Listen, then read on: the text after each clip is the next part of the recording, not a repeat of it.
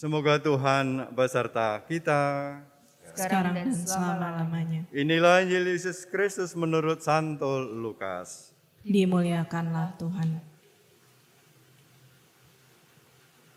Beberapa waktu sesudah kedatangan malaikat Gabriel, berangkatlah Maria dan bergegas menuju sebuah kota di pegunungan Yehuda. Di situ ia masuk ke rumah Zakaria dan memberi salam kepada Elizabeth. Ketika Elizabeth mendengar salam Maria, melonjaklah anak yang ada di dalam rahimnya.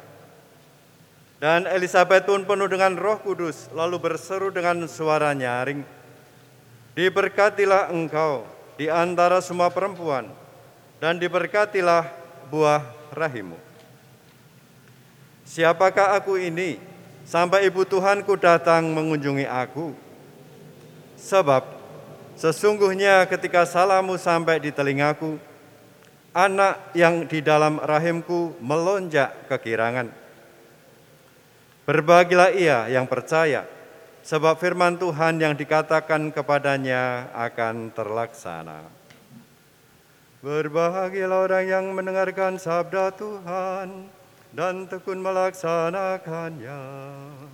Sabdamu adalah jalan, kebenaran dan hidup kami.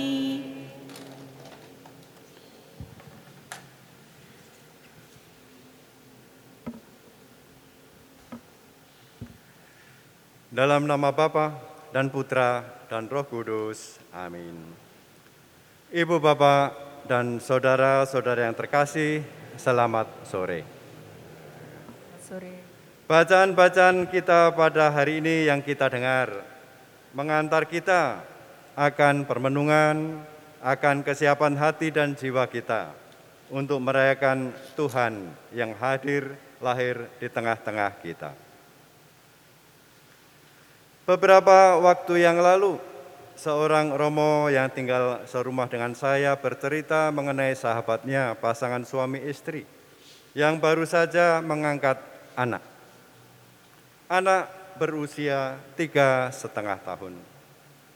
Ketika suami istri ini pergi ke sebuah daerah yang terpencil di Indonesia, mereka melihat seorang bapak yang kakinya terpasung.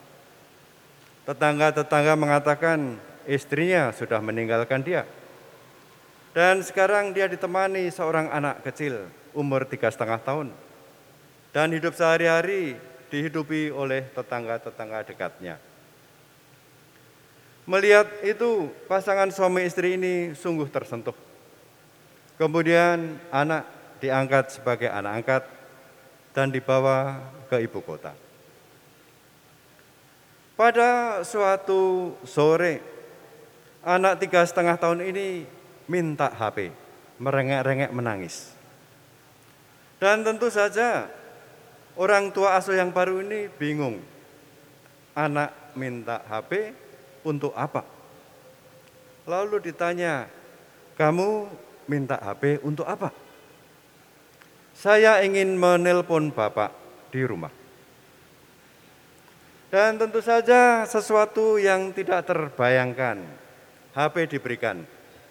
Kemudian dipencet-pencet, dipencet-pencet. Tetapi kok di sana tidak ada suara. Dan tentu saja anak tiga setengah tahun tidak tahu nomor berapa yang harus dihubungi. Dan ketika dipencet-pencet akan terhubung dengan siapa? Dia juga tidak tahu. Anak ini semakin menangis menjadi-jadi. Lalu ditanya, apa yang kamu inginkan? Anak ini mengatakan, saya kangen Bapak di rumah. Apa yang kamu inginkan? Saya ingin berbicara dengan Bapak. Dan tentu saja orang tua yang baru ini tidak tahu apa yang harus dikerjakan. Namun akhirnya anak kecil itu bertanya, apakah saya boleh merangkul Bapak?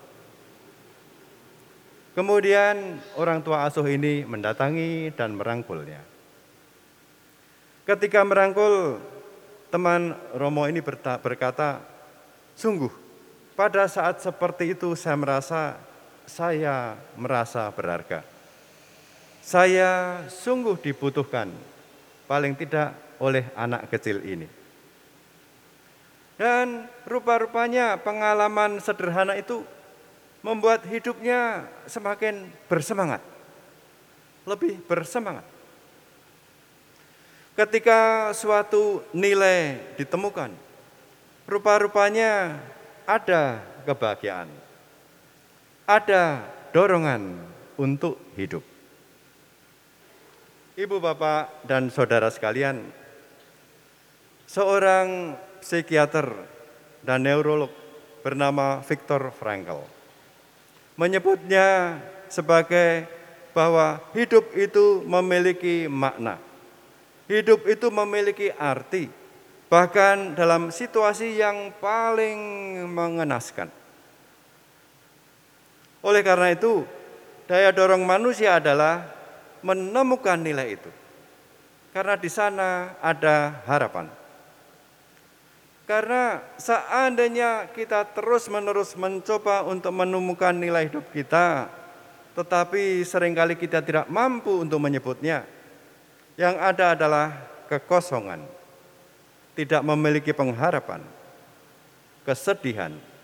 Orang Jawa mengatakan ngelogro. Dan Viktor Frankl itu mencoba untuk bercerita dari pengalaman hidupnya. Karena apa? Ada suatu pengalaman ketika dia sebagai keluarga muda. Seluruh keluarganya ditahan di kamp konsentrasi Jerman.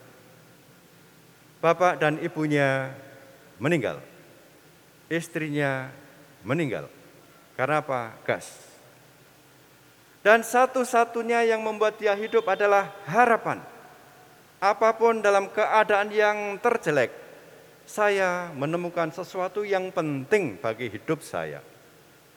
Dan itu menjadi dorongan untuk terus bertahan sampai akhirnya dia bebas dari kamp konsentrasi itu.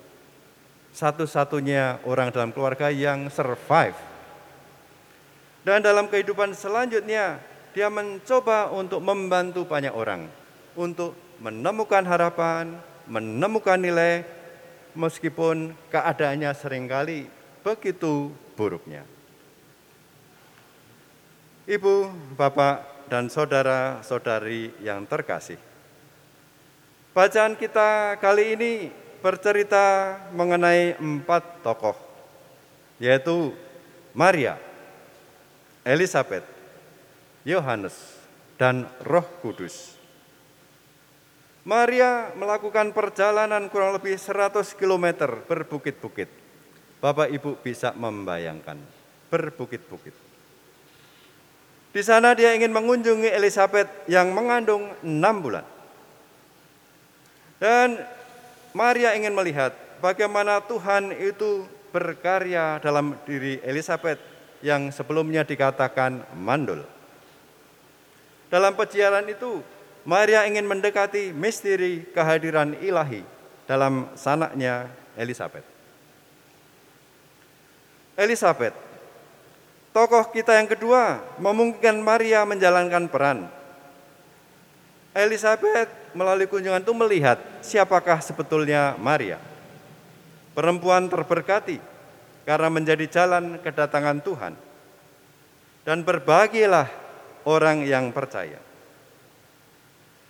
Tokoh yang ketiga adalah Yohanes dan yang keempat adalah Roh Kudus. Yohanes yang ada dalam kandungan adalah yang pertama mengenali kehadiran juru selamat. Lukas menyebutkan Elizabeth dipenuhi Roh Kudus. Yohanes sejak dalam kandungan terpilih menjadi orang yang merintis jalan bagi kedatangan Tuhan. Kita melihat gambaran bagaimana orang yang sungguh dekat pada Tuhan langsung mengenal bahwa Tuhan hadir. Di sana ada kegembiraan. Tidak mengherankan kita mendengar anak melonjak kegirangan di dalam rahim. Dan kegembiraan itu tentu saja menjalar. Kita rasakan dan dirasakan orang-orang yang di sekitarnya. Ibu, bapak, dan saudara sekalian, bagaimana kisah itu ini mencoba untuk dipahami.